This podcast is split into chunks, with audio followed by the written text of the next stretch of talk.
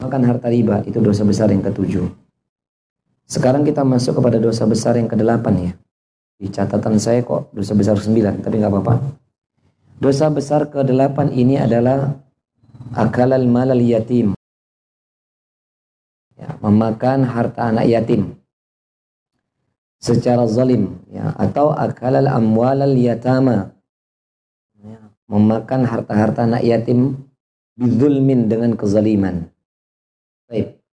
Bapak Ibu yang dilakukan oleh Allah, kenapa dosa besar ke-6, ke-7?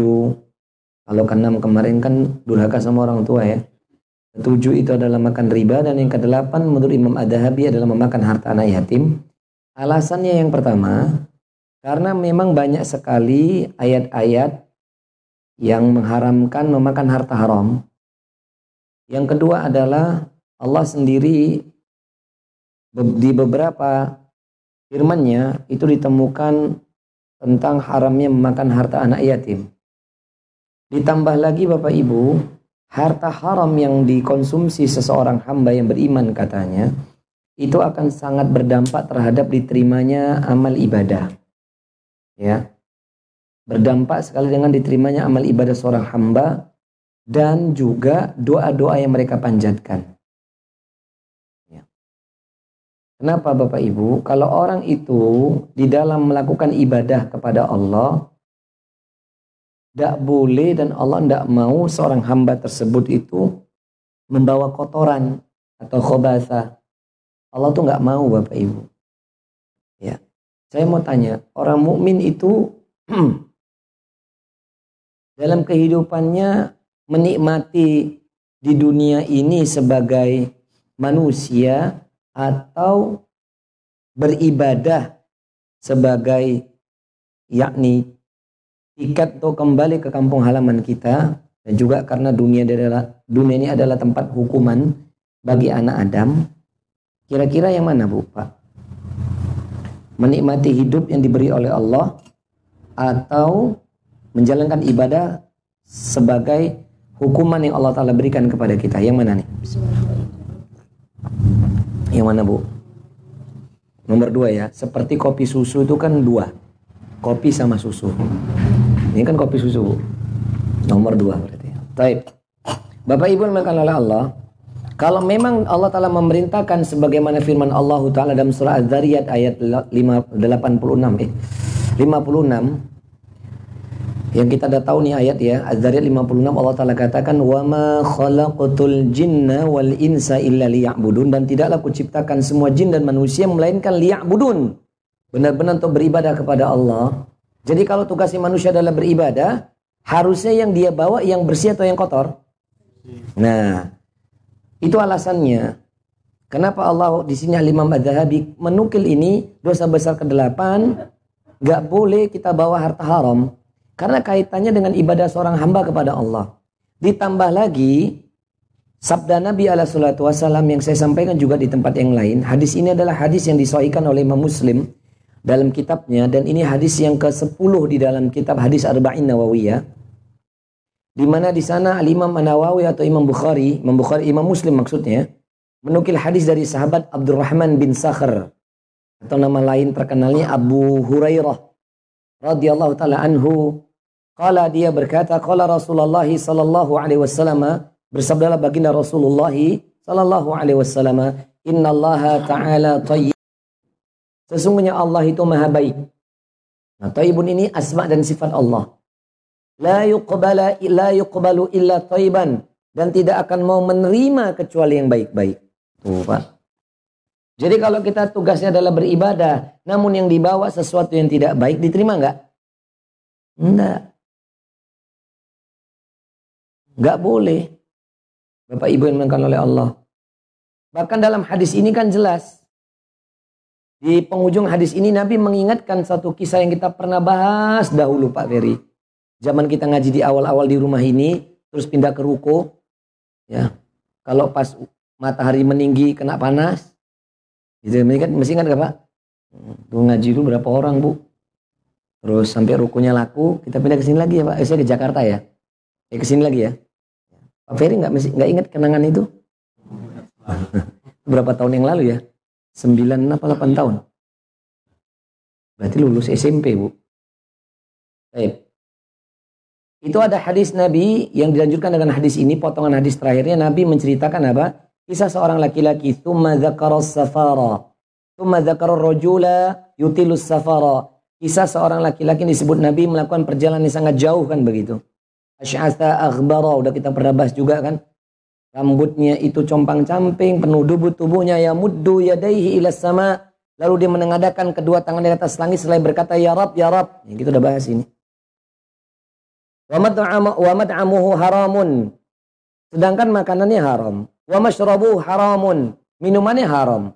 Wa malbasahu haramun. Pakaiannya haram. Pakaian itu kendaraan, rumah. Itu pakaian semuanya. Wa bil haram. Diperoleh pun dengan cara yang haram. Fa'anna yustajabu lidhalik. Lalu bagaimana mungkin itu doanya bisa dikabulkan? Makanya kalau kita nggak memperhatikan sesuatu yang kita konsumsi, yang kita gunakan itu halal atau haram, itu sangat berefek kepada ibadah kita Bapak Ibu. Berefek kepada ibadah, ibadah seorang hamba dan doa-doa kita. Bapak Ibu harus yakin, Waalaikumsalam. Bapak Ibu harus yakin bahwasannya, sekalipun ada seorang hamba yang dikatakan tadi ini, Seorang laki-laki melakukan perjalanan jauh karena dia menghabiskan waktunya beribadah kepada Allah. Dia beribadah kepada Allah selama-lamanya. Lah, tapi dia nggak memperhatikan sesuatu yang dia pakai, sesuatu yang kita dia konsumsi. Sama memakan harta anak yatim ini hati-hati loh, Pak. Makan harta anak yatim ini bukan perkaranya sebuah panti asuhan, sebuah yayasan. Terkadang ini terjadi misalnya adalah kepada harta anak keponaannya. Misalnya keponakannya ini bapak ibunya kecelakaan. Ternyata bapak ibunya ini kecelakaan, dia juga kecelakaan tapi dia selamat begitu. Meninggalkan harta yang begitu banyak. Sementara nih anak masih kecil. Tentunya yang merawat kan adalah mungkin saudara-saudara kandung sang ayah atau ibu. Itu rebutan itu. Betul nggak Pak Bu? Nah, kalau yang yang merawat tuh anak amanah, Alhamdulillah selamat dia. Tapi betapa banyak orang yang nggak amanah. Ini hati-hati. Maka kalaupun misalnya ada seseorang yang datang ke tanah suci, bahkan saya kasih contoh, dia sampai masuk ke dalam Ka'bah, menangis darah sekalipun memohon kepada Allah, kalau yang dia bawa itu dari harta haram, maka dengan harta haram la maqbulah, tidak akan diterima sama Allah. Hati-hati ini. Termasuk dosa memakan harta anak ya yatim secara zalim. Nah, itu harus kita pahami Bapak Ibu. Kenapa dosa besar yang ketujuh dan dosa besar yang kedelapan adalah berkaitan dengan harta haram. Karena berefek kepada ibadah.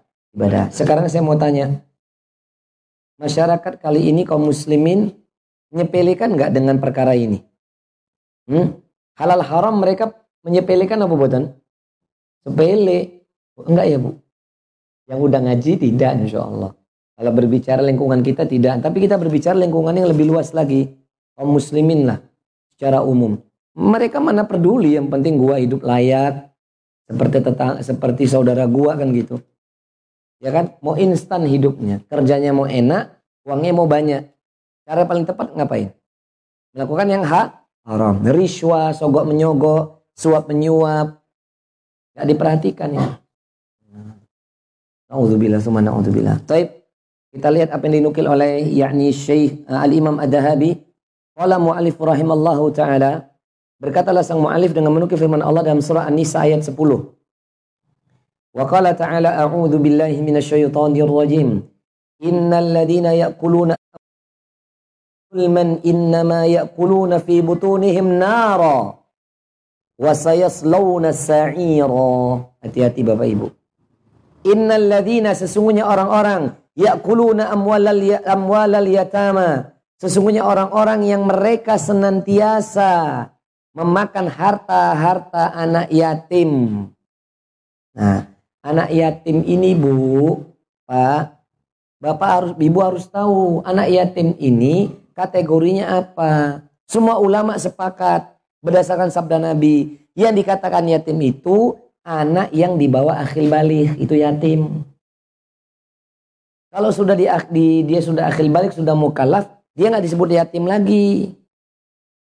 Ya. Paham ya? Kalau dibilang semua yatim itu nanti dimasukkan kategorinya sesungguhnya orang-orang yang memakan harta anak yatim gitu. Ya semua kita yatim ya saya juga yatim. Ya kan?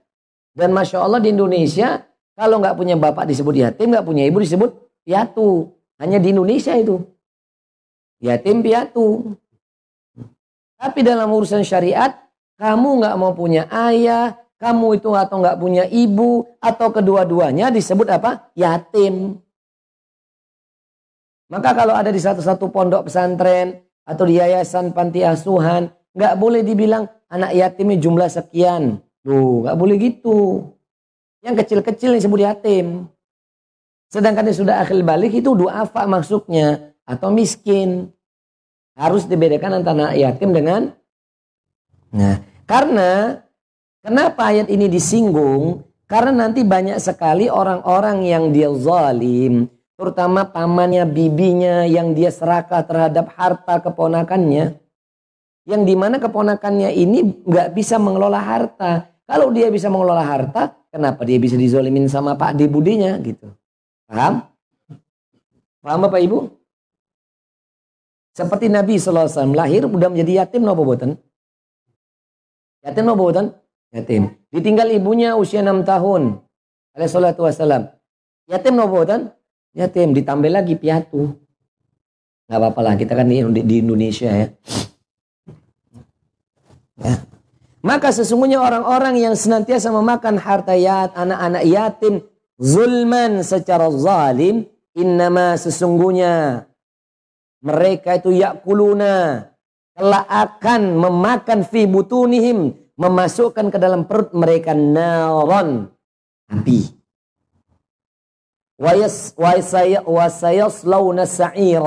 Dan kelak mereka akan dicampakkan ke dalam api yang menyala-nyala apinya. Tuh, berarti ini berarti maaf, ini berarti dia akan dirasakan hukumannya di mana? Di neraka.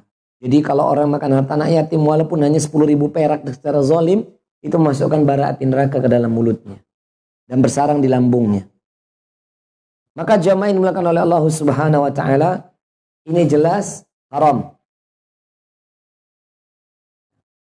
Bahkan Bapak Ibu yang dimuliakan oleh Allah Subhanahu wa taala, syarat beribadah seseorang itu dikatakan kelak akan diterima ibadahnya dan kelak dia disebut amal soli tidak cukup hanya niat saja dan juga tidak cukup hanya mengharapkan surga saja juga tidak cukup hanya mencontoh sunnah Nabi saja. Jadi tiga poin sudah nih. Ikhlas sudah. Mengharapkan surganya Allah sudah. Mencontoh sunnah Nabi sudah. Tapi yang terpenting juga sesuatu yang kau gunakan dalam ibadah. Karena Allah telah memerintahkan di dalam surah Al-Mu'minun ayat 51. Allah Ta'ala katakan, Ya ayuhal, ya ayuhar rasulu, ya ayuhar rasulu, kulu minat tayyibati ma razaqnakum Maaf. Ya yuhar rusulu kulu minat toibati wa'malu soliha. Wahai para rasul, makanlah dari yang baik-baik. Lalu kamu dan kemudian kamu beramal solih. Jadi nggak bisa kemudian, oh saya niatnya karena Allah. Gitu kan? Mengharapkan surganya Allah. Betul nggak Bapak Ibu? Kemudian dia mencontoh sunnah Nabi. Tapi makanan yang dia makan, pakaian dia pakai dari yang haram. Dari riba, dari makan harta anak yatim la yuqbal tidak akan diterima senantiasa perbuatannya itu ibadahnya nggak akan diterima sama Allah. Hati-hati Bapak Ibu ya. Apalagi di dunia bisnis rentan dengan riswah ya kan? Suap menyuap itu nanti kita bahas. Kemudian Allah Ta'ala ingatkan juga di dalam surah Al-An'am ayat 152 surah ke-6 ya. Kita buka Al-An'am ayat 152. Di sini Allah Jalla Jalalu mengingatkan kepada kita wa qala ta'ala wala taqrabu malal yatimi illa billati hiya ahsan hatta yablugha asyuddah. Tuh. Wala taqrabu dan janganlah kalian sampai mendekati malal yatimi harta anak-anak yatim illa melainkan billati dengannya kau hiya ahsan dengan cara yang sangat baik. Ya. Jadi kita nggak diperbolehkan mendekati harta anak yatim dengan secara zalim kecuali ahsan dengan cara yang baik. Hatta ya bulugha asyuddah sampai dia pun mencapai usia akhil balik atau usia dewasa. Oh. Wa'aful kaila wal mizana bil. Dan sempurnakanlah takaran dan timbangan dengan adil. Tuh, kena lagi Bapak Ibu. Ya, ini juga dalil. Wa'afu dan penuhilah al kaila takaran wal mizan timbangan bil qisto dengan adil. Karena banyak orang berdagang itu nggak adil. Makanya turun tuh Bapak Ibu satu surah Al-Mutaffifin itu. Wailul lil mutaffifin. Ini nanti kita akan ketemu kok. Orang yang dikatakan Allah curang dalam timbangan. Termasuk ini ya. Sering sekali Bapak Ibu yang dimuliakan oleh Allah. Semoga kita dijaga sama Allah dan tidak terzolimi. Amin. Di bidang jasa tuh banyak orang yang zolim. Terutama dia jasanya haji dan umroh tuh banyak yang zolim loh itu. Goror. Bayar 13 juta, 14 juta tahun depan berangkat bulannya nggak ngerti, tanggalnya nggak ngerti, hotelnya nggak ngerti, pesawatnya apa itu horor itu. Itu horor, itu haram. Kalau mau berangkat, kalau bisnis atau mau amalah itu mau jujur, ya dia harus tahu berangkatnya tanggal kapan, bulan kapan, pesawatnya apa, hotelnya jelas. Wong ini juga menjadi mengurangi takaran loh Pak. Termasuk dia mengurangi takaran misalnya dia pelataran, di depan pelataran Masjidil Haram di Madinah ataupun di Mekah. Eh ternyata dipindah ke ring belakang dua. Wah ini curang dalam timbangan ini. Dosa ini. Ini dosa besar ini. Dan termasuk gharar ini. Curang dia. Karena mengurangi takaran. Gak boleh loh Bapak Ibu ini haram ini. Dan banyak ini biro-biro yang seperti itu. Betul apa tidak? Katanya direct Madinah, direct Madinah gitu kan, landing Madinah. Tapi nyatanya transit ding Abu Dhabi. Ini kan udah bohong. Gak boleh itu. Subhanallah. Usahanya besar. Ya. Sama ini gak boleh. La nukallifu nafsan illa wus'aha. Dan tidaklah kami kata Allah akan meletakkan kepada sebuah jiwa, tidaklah kami meletakkan kepada seorang manusia melainkan apa yang dia mampu menjalankannya. Artinya Allah Ta'ala tidak pernah membebankan di batas luar kemampuan hambanya. Nggak mungkin. Nah, maka Bapak Ibu ini dalil yang dinukil oleh Syekh Al-Imam Ad-Dahabi tentang dosa memakan harta anak yatim. Kemudian dalam hadis Nabi alaihi salatu wasalam Bapak Ibu biar faham,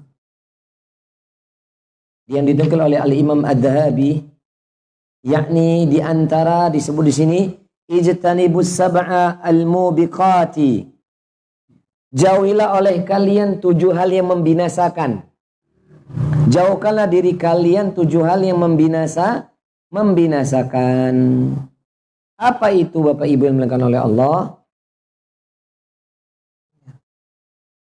Setelah Allah menyebutkan dari yang pertama kesyirikan sampai yang terakhir, salah satunya tertulis Fadaraka minha akalul aklu malil yatim. Memakan harta anak yatim. Jadi dah salah satu tujuh dosa yang membinasakan, perkara yang membinasakan adalah memakan harta anak yatim. Bapak Ibu yang dimakan oleh Allah. Padahal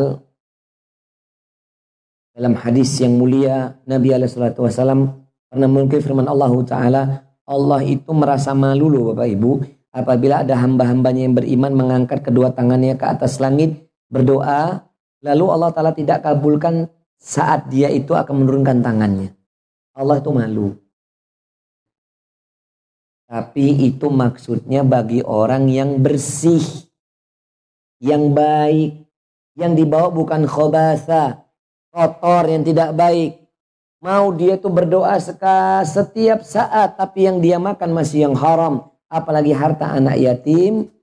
Maka Allah nggak akan malunya sama dia. Kenapa? Karena kamu aja menghadap aku nggak malu bawa yang haram. Ustadz justru kalau saya itu makan harta yang haram, harta saya makin banyak. Lah, dunia saya semakin mudah. Pekerjaan saya semua bisnis lancar. Demi Allah itu hukuman yang paling berat bagi seorang muslim. Itu yang sering saya sampaikan itu namanya apa? Istidroj. Ya dia maksiat malah semakin makmur dunianya. Kalau semakin taat kok dunianya makin hilang. Justru kalau seorang mukmin ketika dia melakukan ketaatan, dunianya semakin hilang, tinggal apa yang dia rasakan di hari itu saja sampai menjelang kematiannya, itu hadiah terbesar berupa kebaikan. Kenapa? Hisapnya akan sangat mudah nanti dia mulai hisap. Apa yang mau dihisap Allah? Kalau yang dia gunakan hanya habis untuk di hari itu saja. Betul nggak Bapak Ibu? Apa yang mau dia gunakan? Apa yang mau dia hisap? Tapi kita yang dikasih harta lebih ini ngeri Bapak Ibu. Kalau nggak kita gunakan untuk kebaikan wassalam. Apa yang mau kita pertanggungjawabkan di hadapan Allah? Coba misalnya uh,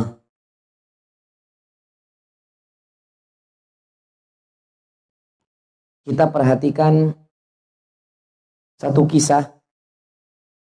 Ini diceritakan singkat saya di dalam surah Al-Kahfi kalau nggak salah ya. Kisahnya Nabi Musa dan Nabi Khidir. Ya kan? Kan ada peristiwa yang terakhir itu Nabi Khidir itu menahan rumah anak-anak yatim itu. Tahu kan? Nabi Musa kan protes. Khidir, Nabi Khidir ngapain ente? Kok repot-repot amat sih menahan itu bangunan? Lah kui. Langsung kan Nabi Khidir mengatakan, Musa, sudah saatnya. You and me and.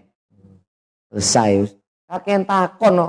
Sekolah dari dari perahu sampai dia membunuh anak bayi, anak laki-laki gitu kan dan kemudian menahan apa rumah yang mau roboh itu. Kenapa harus banyak nanya gitu loh? Kan dikasih syarat kalau kamu berguru ya wis manut wae gitu. Manut dosa kayak kayak takon. Soalnya seorang nabi. Itu kalau nabi loh, Pak. Tapi kalau ini seorang ustadz jenengan takon wajib. Karena kami bukan seorang da, nabi. Jadi kalau jenengan nanti tanya, saya nggak mungkin. Ojo kakek takon, nanti seperti Nabi Musa. nggak mungkin. Emang Salahuddin Nabi Khidir. Kalau misalnya ustadznya itu manusia biasa seperti kami, kami ini pendosa. Kita kan sama Bapak Ibu. Malah bisa jadi kami lebih banyak dosanya. Karena lebih tahu ilmu lalu kami langgar. Na'udzubillah wal iyadzubillah. Semoga kita dijauhkan. Allahumma ba'idni wa Allahumma ba'id baini wa baina khata khataya ya kama ba'atta bainal masyriqi wal maghrib. Kita mohon sama Allah kita dijauhkan dosa-dosa kita. Antara diri kita dan dosa-dosa kita seperti yang Allah telah jauhkan timur dan timur dan barat. Maka Bapak Ibu ini melakukan oleh Allah Jalla Jalalu. Ini nasihat kami pribadi kepada Anda sekalian.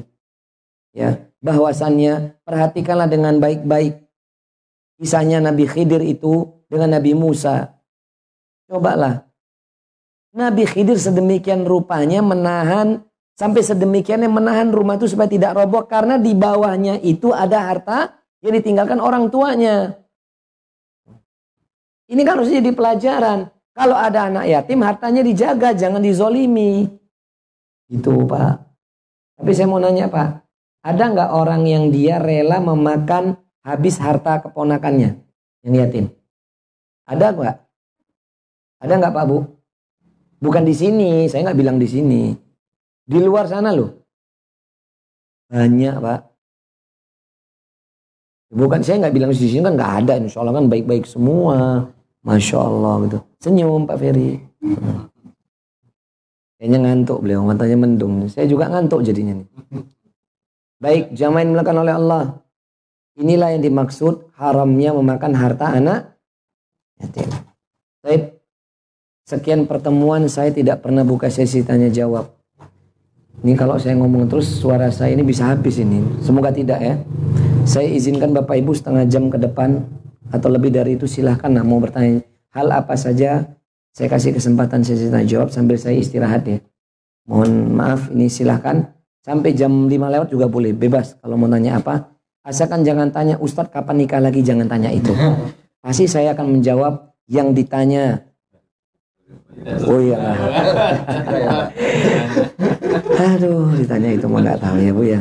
Nah, monggo Bu, Pak Bu kalau ada yang mau bertanya tafadhol. Mungkin kenapa saya sudahi Karena kalau saya masuk langsung dosa besar ke sembilan, itu pengantarnya itu panjang. Pengantarnya saja hampir satu jam atau 45 menit. Sisanya baru tiga dalil dalam dosa besar ke sembilan. Yani dusta atas nama Nabi. Itu pengantarnya panjang soalnya. Nah karena saya merasa ini harus gak boleh dipisah ya. Gak boleh potong nanti jadinya kita nanggung. Suatu nanggung itu gak enak tau mas. Masih mas. Cinta yang nanggung itu gak enak kan. Ya, harus nikah kan begitu. Baik Bapak Ibu, silahkan kalau ada yang mau bertanya, semoga bebas insya Allah taala. Barakallahu fikum. Tafadhal.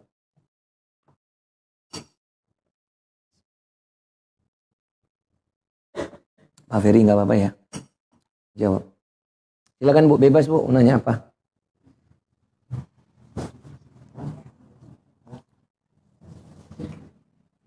Gak ada, kalau nggak ada pulang kasih nih mana? Wena tuh. Masya Allah Alhamdulillah. Bu Vera, oh nggak terdengar suaranya. Tidur Bu. Jangan lupa baca doa Bismika. Ojo turu kape. Silakan kalau dia mau bertanya. J monggo Ibu. Monggo. J. J.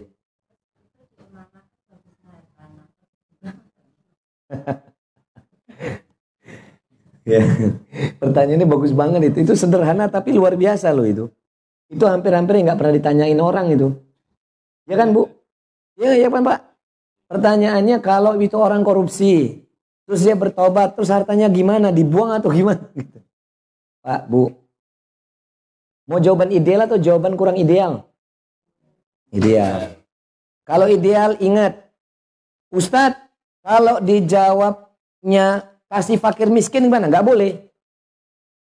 Karena zodako dan zakat harus dari barang yang halal. Maka harta tersebut kembalikan kepada pemerintah. Itu kalau uang pemerintah yang dikorupsi. Paham? Atau diserahkan sama badan tertentu biar buat fasum. Nah, kalau dalam urusan fasum, serahkan saya. Saya bisa ngelolanya insya Allah. Insya Allah saya akan bantu ngelola fasum seperti itu atau dana-dana bunga riba yang di bank itu tuh bu. Titipkan aja ke saya, saya bisa insya Allah menyalurkan itu fasum. Nanti akan saya bagi di beberapa tempat di Gunung Pati. Saya akan bagi tuh buat fasum, lampu penerangan, jalan, pavingisasi, fadol. Silakan nanti akan saya, saya nggak ngambil spacer pun, untuk haram kok. Ya, itu ya. Dan ada ini jawaban ideal ya. Jawaban ideal adalah ya dikembalikan kepada pemerintah. Kalau itu pemerintah. Kalau itu perusahaan, kembalikan kepada owner. Dan jangan person, Bu. Nanti itu dizolimi soalnya. Jangan person. Diberikannya kepada lembagaan. Kalau person itu nanti diciak bareng-bareng soalnya. Paham ya? Diciak bareng-bareng soalnya. Tahu ciak, Bu? Kalau orang Sunda babadok katanya. Itu kasar ya babadok tapi Sunda yang itu biasa babadok. Dimakan bareng-bareng itu. Gak boleh. Gitu ya Bu. Nah jawaban yang setengah ideal. Wah ini paling disukain kayaknya. Setengah ideal ini tapi menanggung resiko. Udah sini sayangku. Kalau yang setengah ideal adalah pertama harus ditelusuri dulu. Dulu dia tahu nggak kalau ini hukumnya dosa. Kalau dia nggak tahu kalau ini hukumnya dosa dan ternyata itu adalah riswa, so, suap menyuap atau misalnya korupsi, maka maka salaf apa yang telah lalu baginya buat dirinya. Seperti kita pernah bahas harta riba. Dulu dia bekerja di bank, wis jadi sugeng belegedu, kita udah bahas toh. Kemudian dia taubat, maka apa yang ada pada dirinya ya untuk dirinya kata Allah. Tapi tetap ada kafarot. Nah, ini setengah ideal ini. Tahu kafarat bu? Tebusan. Nah tebusan ini yang luar, luar biasa. Hanya Allah Ta'ala yang tahu. Nabi aja nggak tahu. Apalagi tanya Salahuddin. Nah itu kalau yang setengah ideal bu. Tapi kalau nggak mau bawa risiko, diserahkan lah wis. Ustadz ternyata saat rumah-rumahnya saat sak pakaiannya kabeh. Ya, minta izin sama seng ownernya toh. Pak, bu sisakan bagi saya untuk pakaian aja misalnya gitu. Boleh enggak misalnya gitu. Ya ini kalau mau bersih loh Pak Bu. Karena demi Allah ini akan sangat repot nanti kalau di alam barzah dan di alam alam yang mulai akhir yang mulai hisab ini paling repotnya di sana. Kalau auditnya di sini tuh repotnya cuma sekarang aja gitu loh. Selesai gitu. Repotnya nanti kalau di audit di sana nggak tersisa sedikit pun harta itu kecuali ada hukumannya di sisi Allah. Gitu ya. Ini kalau yang ideal ya Bu. Kalau setengah ideal ya ya apa yang telah kau dapat di masa lalu ya buat kamu tapi tunggu-tunggu kafarotnya, tunggu saja. Itu ya. Mekatan. Itu ya Bu. Barakallahu. Semangat. Ada yang mau bertanya yang lain? Silakan Bu. Bu Aning mau bertanya boleh. Bu Vera kalau ada. Enggak Bu. Bebas. Obat ngantuk permen sebenarnya mau nggak bu oh ya boleh boleh gimana manggil mbak atau ibu nih atau kakak oh ya kakak iya kak tua kali aku ya. Gimana mau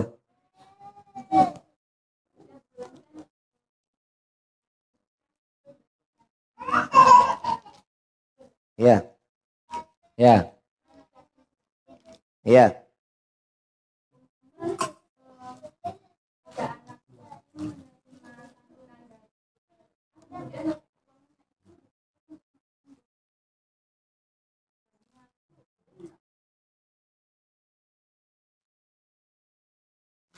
Tunggu dulu.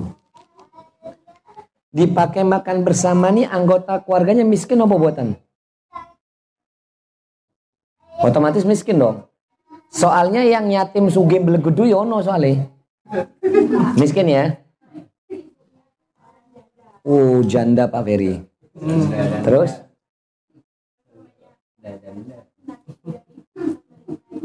Hmm. Iya. Itu bagaimana hukumnya? Ya.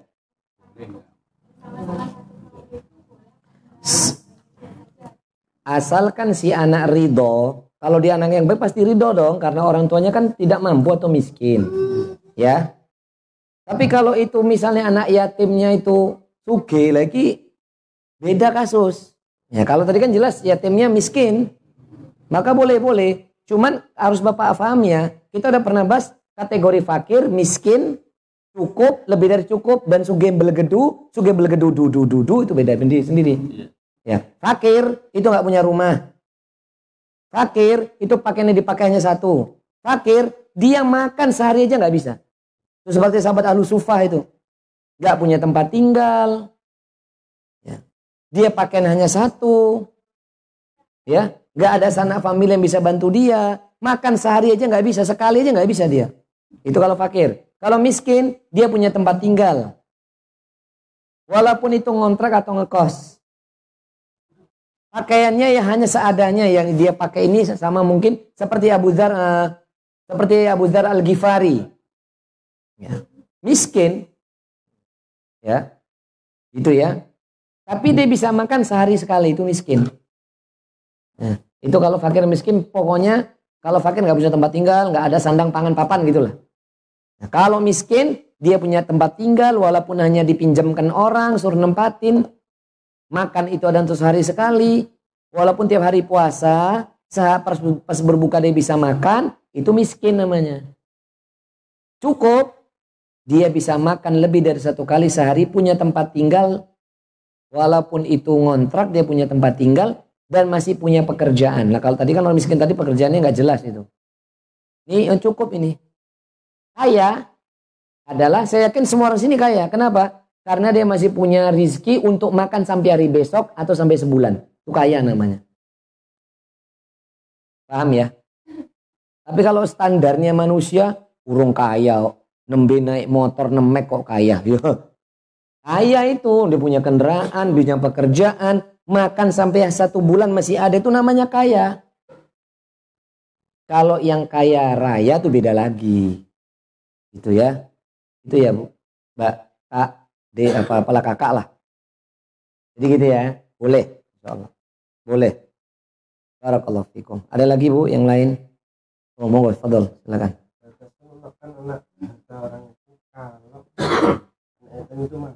kalau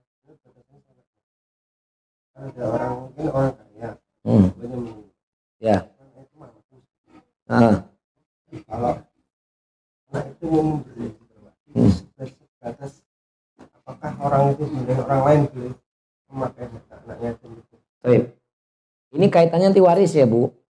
Kalau misalnya kasusnya anak tersebut ditinggal meninggal bapak ibunya karena kecelakaan, kalau anaknya hanya satu laki, selesai. Hartanya buat dia saja. Itu biar bapak ibu tahu ya. Nanti jatuhnya waris soalnya. Kalau anaknya laki perempuan, lakinya dua, ad- adiknya perempuan sah, satu. Gitu. Gak boleh dibagi dua. Gak boleh. Baik. Walaupun masih kecil-kecil, walaupun masih kecil-kecil. Tapi kalau adik anaknya ditinggal perempuan semua, ini jadi masalah baru. Harus naik ke kakek neneknya dulu. Terus bagi kanan kirinya, saudara saudari kandung bapaknya. Itu baru dari harta bapak. Eh, ternyata emaknya juga punya harta banyak. Bahkan berimbang dengan harta bapaknya. Bapaknya punya 10, eh, 20, 25 triliun. Ibunya 22 triliun. Wah, kemen ini. Anaknya cuman perempuan. Berarti rizki yang tak disangka-sangka datang buat siapa? Saudara kandung sang ayah, saudara kandung sang ibu. Tapi anaknya dulu dibagi. Nah, saya nggak mau hitung ini ya, karena nanti terlalu lama. Gitu ya. Lah, kalau kasusnya ini anak masih kecil, dia nggak bisa ngelola duit, maka sang paman atau sang bibi, wallah dia harus beriman kepada Allah dan takutlah dia sama Allah.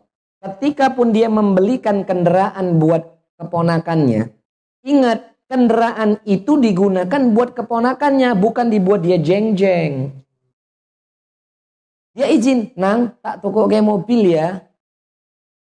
Seng api sisan, contoh untuk operasional kamu ke sekolah, tak toko kayak pajero, bukan panas jebojero ya. Tak toko kayak pajero. Ya. Tapi malah kesehariannya yang menggunakan pamannya, bibinya tanpa izin. Ini zolim. Tidak boleh. Kecuali sang paman, sang bibi, dia habis waktunya untuk ngurusin sang keponaan. Karena dia masih kecil-kecil. Itu ya. Sementara dia harus memenuhinya. Izinnya ya untuk mencukupi kebutuhan. Misalnya apa yang dimakan sang paman, itu dimakan sang anak. Jangan anaknya makan ayam kampus, eh, ayam kampus. Ayam ayam geprek maksudnya. Maksudnya geprek kan dekat kampus ya, Pak. Jangan anaknya makan ayam yang geprek lah. Malah pamannya ki makannya nasi kapsa, nasi biryani, makannya yang enak-enak. Malah ponakannya ayam geprek terus. Ini nggak boleh. Jadi itu harus apa yang dimakan keponakan itu yang dimakan sang paman kalau yang mengelola. Ini juga jadi muskilah buat yayasan panti asuhan loh bu. Banyak pengurus panti asuhan itu yang hidup dari harta anak yatim itu. Fakir miskin saya saksi hidup. Wallah saya saksi hidup. Demi Allah ketika saya bersama Ustadz Usman Daulur Rahimallahu Ta'ala. Kami semua ini punya pekerjaan. Dan demi Allah kami itu ketika ngelola di panti asuhan itu. Pondok pesantren panti asuhan itu. Kami itu punya pekerjaan dan dapur kami sendiri-sendiri bu. Sampai ibu yayasan tuh baru tahu kalau saya pribadi para ada satu lagi ustadz itu kita punya dapur sendiri. Jadi kalau misalnya itu dari dapur umum diberi orang itu ngasih baru kita terima. Kalau enggak kita masak sendiri dan dari uang kami sendiri. Dari hasil jualan kami, kerja kami. Nah, harusnya begitu supaya apa? Tidak bercampur hak mereka dengan hak pribadi kita. Itu namanya ibadah. Tapi banyak orang yang gitu. Dia malah beli mobil buat pribadi dari harta titipan donatur. Itu banyak loh bu. Dibelikan mobil pribadi, rumahnya dipakai AC, sofanya bagus, anak-anaknya pakai kapuk, tersuruh kapuk. Kipas angin gini nggak boleh itu. Itu kan hak dia. Oh, dia kan amil Ustadz. Oke dia amil yang menyalurkan. Harusnya amil itu mengutamakan fakir miskinnya dulu dong. Betul nggak Bu Pak? Ya ini nyata kok. Itu loh Bapak Ibu. Mohon maaf ya hati-hati. Kalau itu memang niat yang buat anak-anak yatim piatu yang fakir miskin, dia dulu yang diberi, jangan kita nikmati dulu, itu haknya dia kok. Kalaupun kita dapat hak, itu rizki minallah. Dan harusnya setiap para pengasuh pondok pesantren dan yatim duafa itu dia bertakwa kepada Allah, yang buat punya usaha sendiri gitulah. Kalaupun dia itu digaji dari yayasan, itu karena dia ngajar gitu. Jadi uang itu dikelolakan nanti untuk pendidikan sang anak gitu kan Bu. Pendidikan tempat tidurnya, eh, tempat tinggalnya, makannya. Lah sang ustadz ini mungkin dia digaji dari uang masuk tadi setelah dibagi buat anak-anak, ini digaji karena dia ngajar begitu. Bukan malah dinikmati dulu, diciak-ciak dulu, ya. Baru kemudian sisanya buat anak-anak itu enggak boleh loh Pak Bu. Sampai anak-anak nggak bisa berangkat sekolah kalau sekolahnya di luar gara-gara kesalahan nggak bisa berangkat sekolah duitnya ini ditahan. Itu nggak boleh loh itu. Itu hak dia sekolah. Betul? Nah itu hati-hati itu. Nah itu ya barakallahu fikum. Ada lagi bu yang bertanya di luar materi monggo. Oh ya saya tahu bu. Saya kenal sama ibu. Pak Gaki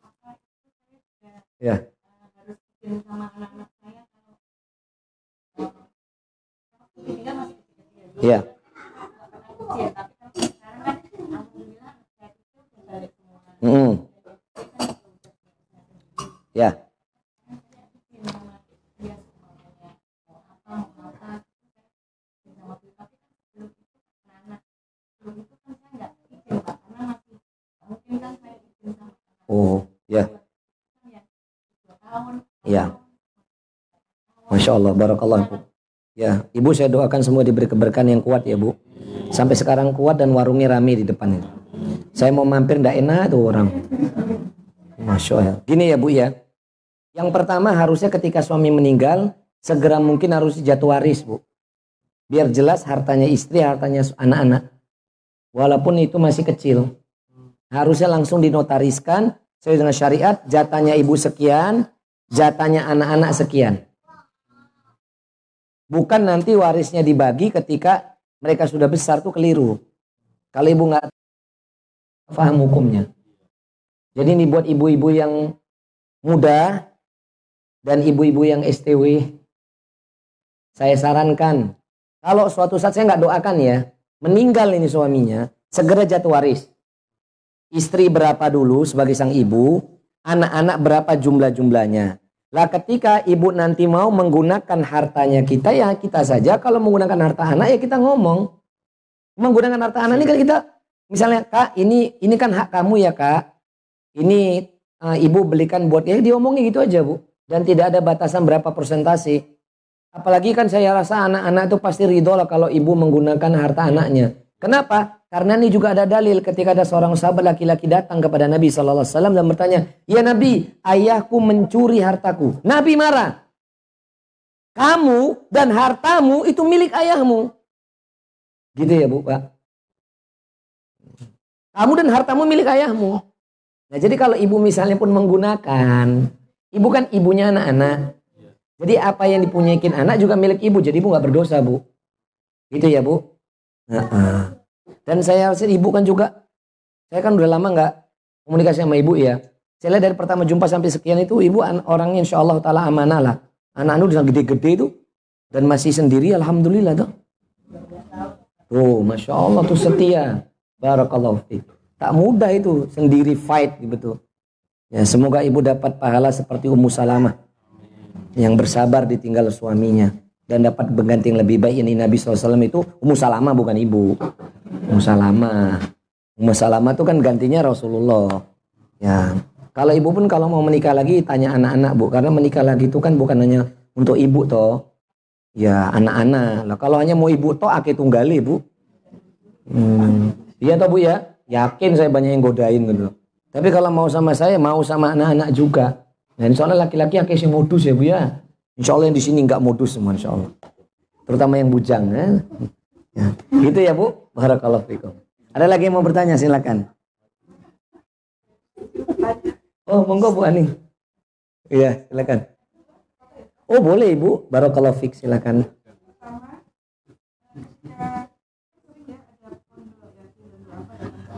Nje, Bu. Nje.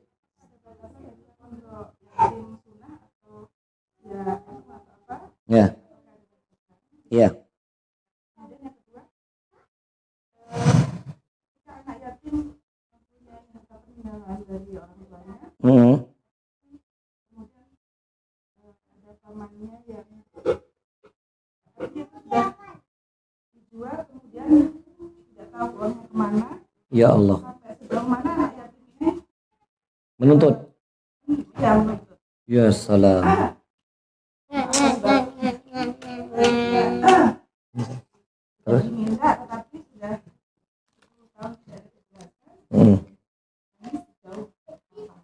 Iya Bu. Masya Allah. Barakallah. Pertama Bu, dalilnya adalah kalau misalnya ada ke rumah kita datang panti asuhan yang nggak jelas, ya itu kan kadang diteliti juga nomor teleponnya nggak bisa ditelepon, alamatnya salah, begitu kan? Dan itu juga nggak jelas. Kalaupun jelas, apakah yang sunnah atau yang awam? Saya kembalikan kepada dalil dulu Bu. Dalam surah Al-Ma'arij, Allah Taala mengatakan ciri-ciri orang mukmin yang bertakwa adalah walladzina fi amwalihim haqqum ma'lum lisaili wal mahrum. Dan orang-orang yang di dalam harta-harta mereka itu tersedia telah disiapkan bagi zakat dan sodako. Jadi kalau memang niat ibu itu mau sodako, nggak usah eh, kalau memang hari itu hati ibu niat ikhlas mau sodako ya udah kasih kasih aja gitu. Satu itu. Tapi kalau ternyata itu panti asuhan bohong, fik- fiktif, Apalagi misalnya panti asuhan itu betul ada tapi mengajarkan kesesatan, mengajarkan bid'ah, mengajarkan kesyirikan, bahkan diajari ilmu laduni. Loh, aneh ini toh. Laduni ku biar kebel gitu toh. Terus nari-nari suf, nari-nari sufi itu loh Bu. Nah, ngajar-ngajar kayak gitu, itu nanti kena ayat Allah dalam surah Al-Maidah. Apa kata Allah? Wala ta'awanu 'alal ismi wal 'udwan. Dan janganlah kamu tolong menolong dalam perbuatan dosa dan permusuhan. Maka ibu nggak boleh bantu bu. Kalau mau bantu ya jelas pondok pesantren atau duafa yang dia, masya Allah, menjalan menjalankan tauhid, menegakkan tauhid, menjalankan sunnah itu lebih utama, lebih utama. Begitu ya bu? Ya, banyak kalau di Semarang banyak lah, ya. Terutama ya daerah basis misionerisasi itu Gunung Pati itu.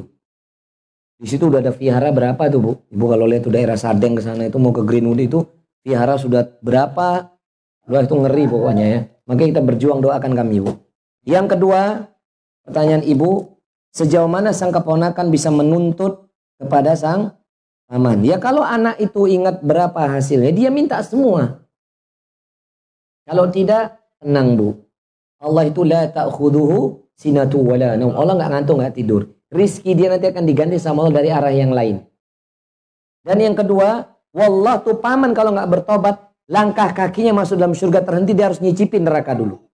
Selama dia tidak berbuat syirik, dia akan masuk surga. Tapi rasakan dulu siksaannya di mana?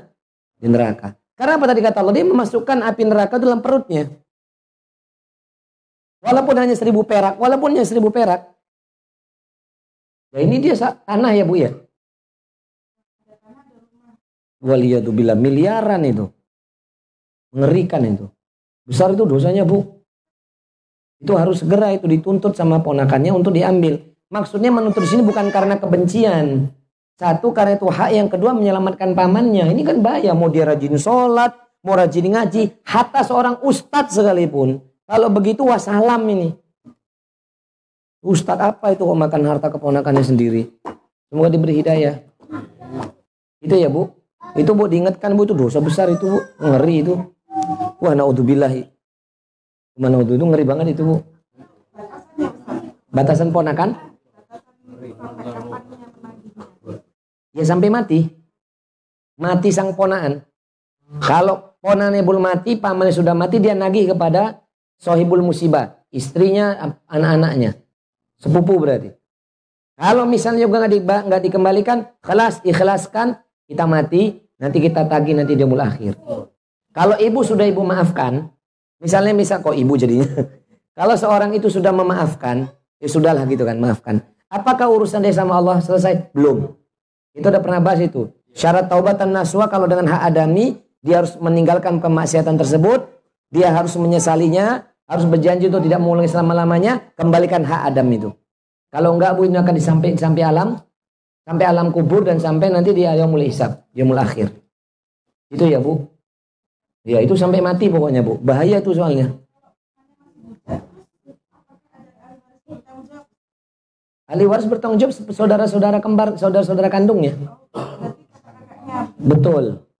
Dia yang harus mengembalikan. Dia tadi kan jangan-jangan dinikmati bersama. Wallahu a'lam. Pokoknya kalau nggak dimetik harus bertanggung jawab. Apalagi masih bujang. Ayo mas, jangan lama-lama jadi bujang. Nah. Kok kena lagi ya? gitu ya bu. Ibu paham ya bu? Alhamdulillah. Sampun. Ibu-ibu ada lagi yang lain? Saya masih ingin betah di sini. Soalnya udah lama nggak buka saya jawab ke susu terus saya kalau pulang. Maaf ya bu ya, kadang-kadang keburu-buru kalau habis kajian di sini. Oh, silakan, silakan. Monggo.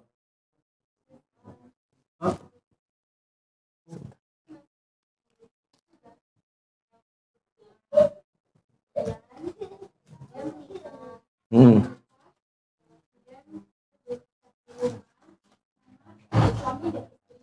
Nah.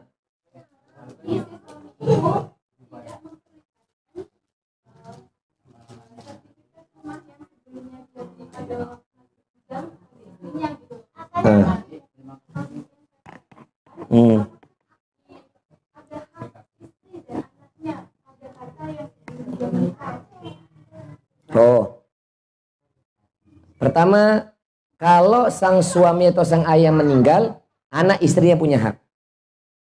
Tapi kalau suaminya masih hidup, bapaknya masih hidup, anak istrinya nggak punya hak. Baik yang dia peroleh dari sebelum menikah atau setelah menikah. Karena hak suami. Hak seorang suami atau seorang ayah itu harta buat dirinya, buat istri dan anak-anaknya. Kalaupun ada yang dikasih hanya sebagian itu haknya suami. Itu ya. Cuman bahayanya kalau harta itu nanti nggak dikasih tahu, itu kalau dia meninggal waris itu jadi dosa buat dia kan harusnya jatuh kepada anak istrinya. Kecuali kalau suami itu kepengen punya nikah istri lagi kali. Mungkin. Ya, paham ya? Tapi bahaya kalau kalau saya ya kalau saya dan beberapa asatid walaupun nggak nggak sama ya. Kalau kami apa yang kami dapat saya kasih sama istri saya semua saya kasih. Bu berapa kau orang nggak ngerti? Duitnya nggak ngerti. Pokoknya kalau saya Abi mau berangkat duitnya mana lah di KI lo bisa mau Nek saya gitu kan. Nek saya. Itu baru yang satu loh pak. Yang dua nggak ada. gitu ya mbak. Jadi sebaiknya sang suami harus segera inventaris. Memberitahu karena kaitannya itu masalah waris. Sedangkan usia kita nggak tahu ini dekat dengan kematian. Segera saja. Ya. Hmm. Loh, pertanyaannya kok sang istri tahu? Oh iya. Oh. Ya, pertanyaannya kok kamu tahu kalau kau suamimu punya harta, jangan-jangan itu hmm. istrinya. Oh, subhanallah. Hmm. Oh. Bisa jadi itu hadiah dari anak ke ibu. Sehingga istri dan anaknya tidak boleh tahu. Bisa jadi husnuzannya begitu. Jadi kalau memang itu menempati ibunya sudah sang istri sama anak nggak boleh cawe-cawe.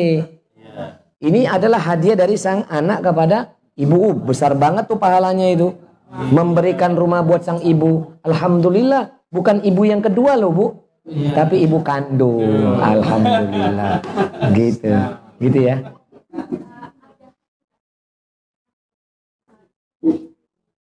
Ia tanya sama sang ayah, itu sudah kamu hibahkan ke ibu atau masih, walaupun atas namanya sang suami, itu sudah dihibahkan nggak ke ibunya? Kalau sudah dihibahkan walaupun atas nama sang anak atau sang suami tadi, itu milik ibunya. Begitu. Nanti kalau ibunya meninggal jatuh waris. Si anak tadi dapat, nanti saudara-saudara perempuan, saudara dari sang suami tadi dapat lagi.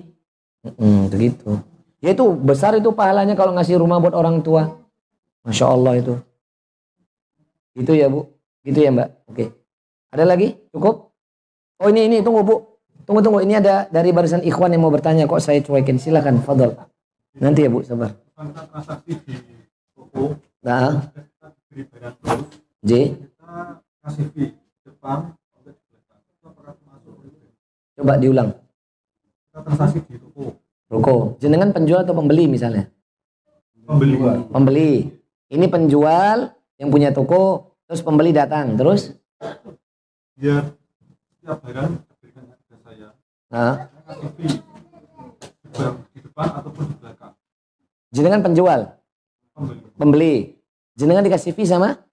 Fee Bukan buat penjualnya. penjualnya. Ngasih fee buat apa? Ya saya mau tanya Pak, fee-nya itu apakah termasuk Bukan. Fee itu keluar di, di awal atau di akhir itu alasannya apa? alasannya supaya barang itu diberikan berdasarkan orang lain? Oh, itu riswah namanya. Itu bukan riba, itu namanya riswah, menyuap. Iya, suap itu haram. Supaya barang itu tidak pergi ke mana-mana, akhirnya dia suap. Ya. Itu itu riswah itu tidak boleh, itu haram. Ya, Nge, ngecem bahasa Jawanya. Tidak boleh, tidak boleh ini haram. Itu menjadikan harta nggak berkah. Nggak boleh, biarkan dia mau jual ke siapa pun. Kita nggak boleh membatasi gerak orang lain mem- mem- membeli barang di dia dong. Itu namanya riswah, menutup pintu rezeki orang itu tidak boleh. Gitu. Meskipun niat kita hanya niat kita karena kita tuh. Biar lancar gitu loh Pak. Enggak, kalau niatnya hanya hadiah beda. Tapi kalau niatnya seperti Anda katakan supaya barangnya nggak ke mana-mana itu riswah namanya. Itu namanya suap menyuap. Kata Nabi, yang menyuap dan yang disuap sama. Seperti masukkan bara api ke dalam mulutnya. kalau ucapan terima kasih ya. Oh itu beda.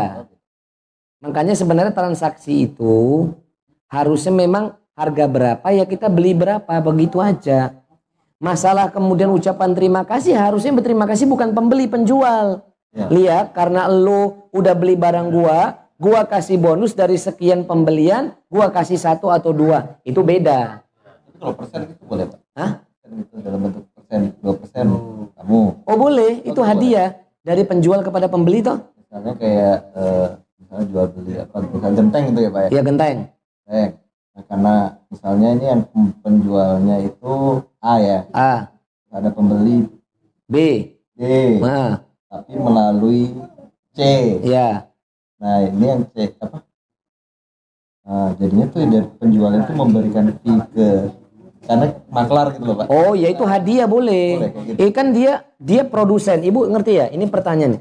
Jadi gini, si penjual orang yang produksi atau yang punya barang, dia kan belum tentu sepintar orang yang menjual kan marketing tuh namanya ini kan.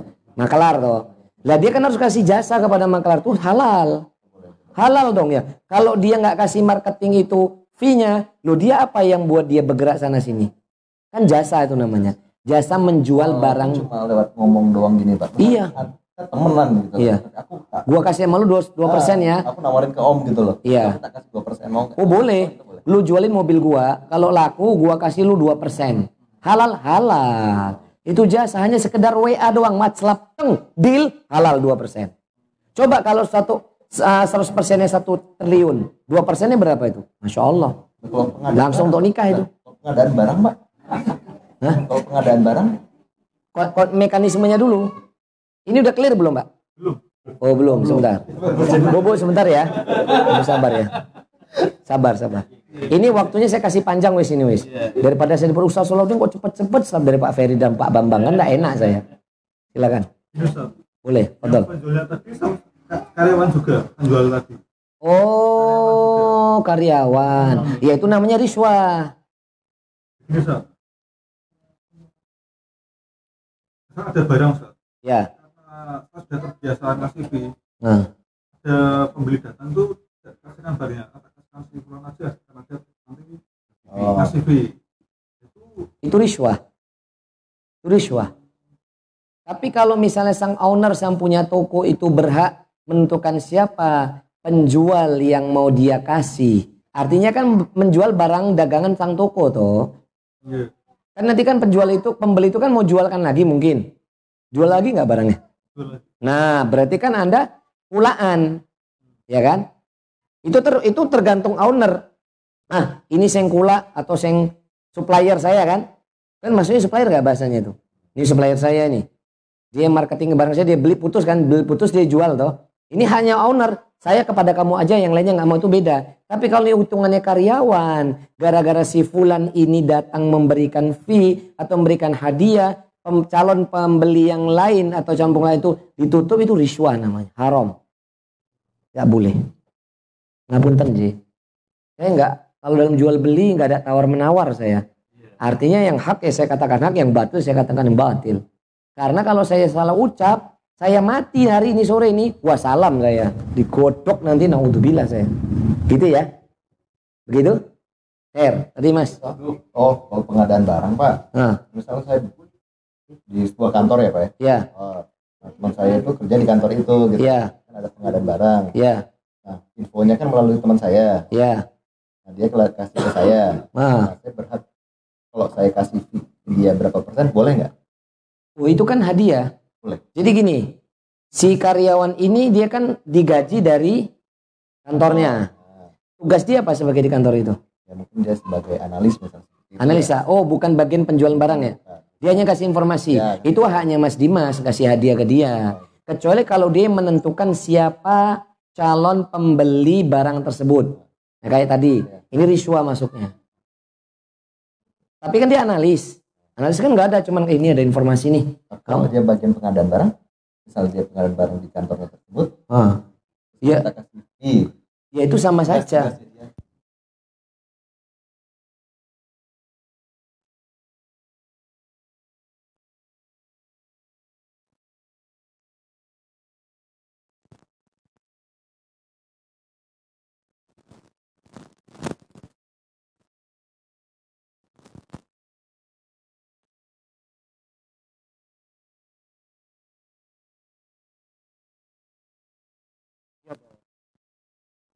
Kalau dia nggak ada nih buat lu ya karena lu teman gua. Oh itu kan beda, beda dong. Wah dia kan nggak menentukan tarif dong. Paham nggak? Dia kan menentukan tarif. Paham ya? Dan dia nggak boleh juga membatasi calon yang lain. Tadi. Kalau hanya di monopoli semuanya jadi riswan. Ya, paham maksud saya? Ya, kalau misalnya kayak tadi lah, ini ada informasi ini buat lu, lu mau beli nggak nih barang? Ya udah, ya gua beli ya. Nah, jadi nggak ada omongan, lu mau kasih gua berapa?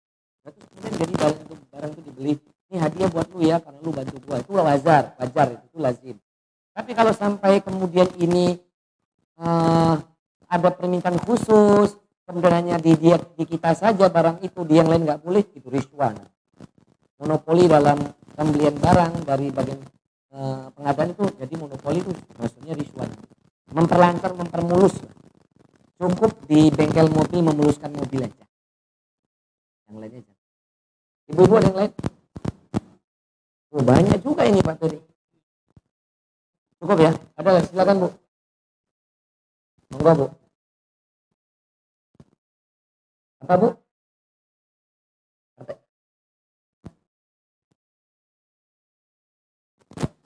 Hmm. Pengemudi. Audit, audit, ya ya.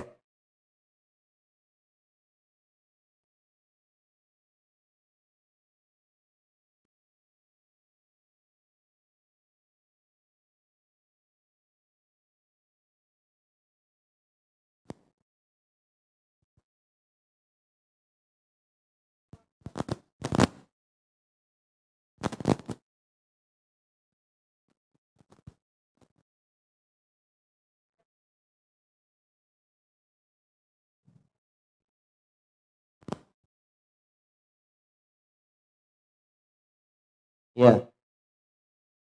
Ya kalau misalnya itu tadi saya katakan konsepnya innallaha thayyibun la yuqbalu illa thayyiban. Sesungguhnya Allah Maha baik tidak mau terima yang baik-baik. Walaupun dia dirikan tuh sekolah masjid, tetap status harta yang dia kasih dari hasil korupsi itu nggak boleh, nggak jadi nilai pahala di sisinya.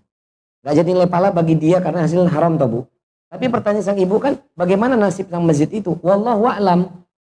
Saya nggak bisa menjawab karena itu hisapnya di sisi Allah. Perkara nanti masjid itu tetap berjalan, ya kita doakan saja ada kebaikan di dalamnya. Itu ya bu. Terus kemudian berarti masjid itu nggak boleh ditempati sholat, ya itu boleh, udah jadi masjid kok. Ya, jadi tetap boleh. Hanya saja berkah atau tidaknya itu wallahu a'lam saya nggak tahu. Itu ya bu. Tetap masjid itu boleh bu. Tetap boleh disolati. Apalagi kalau kita nggak tahu. Alhamdulillah. Kertas nih bu. Iya. Sekolahnya ada. Subhanallah, hakim menduit eh.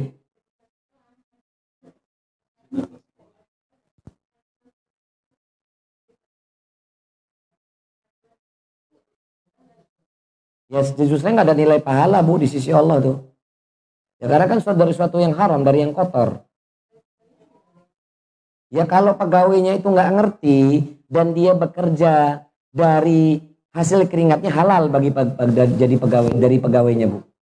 Kamu ya, pegawainya nggak ngerti, ya kan? Dia bekerja sesuai dengan SOP-nya tuh foksinya, tugas pokok dan fungsinya. Maka bagi sang guru atau pegawainya itu halal, karena dia nggak ngerti.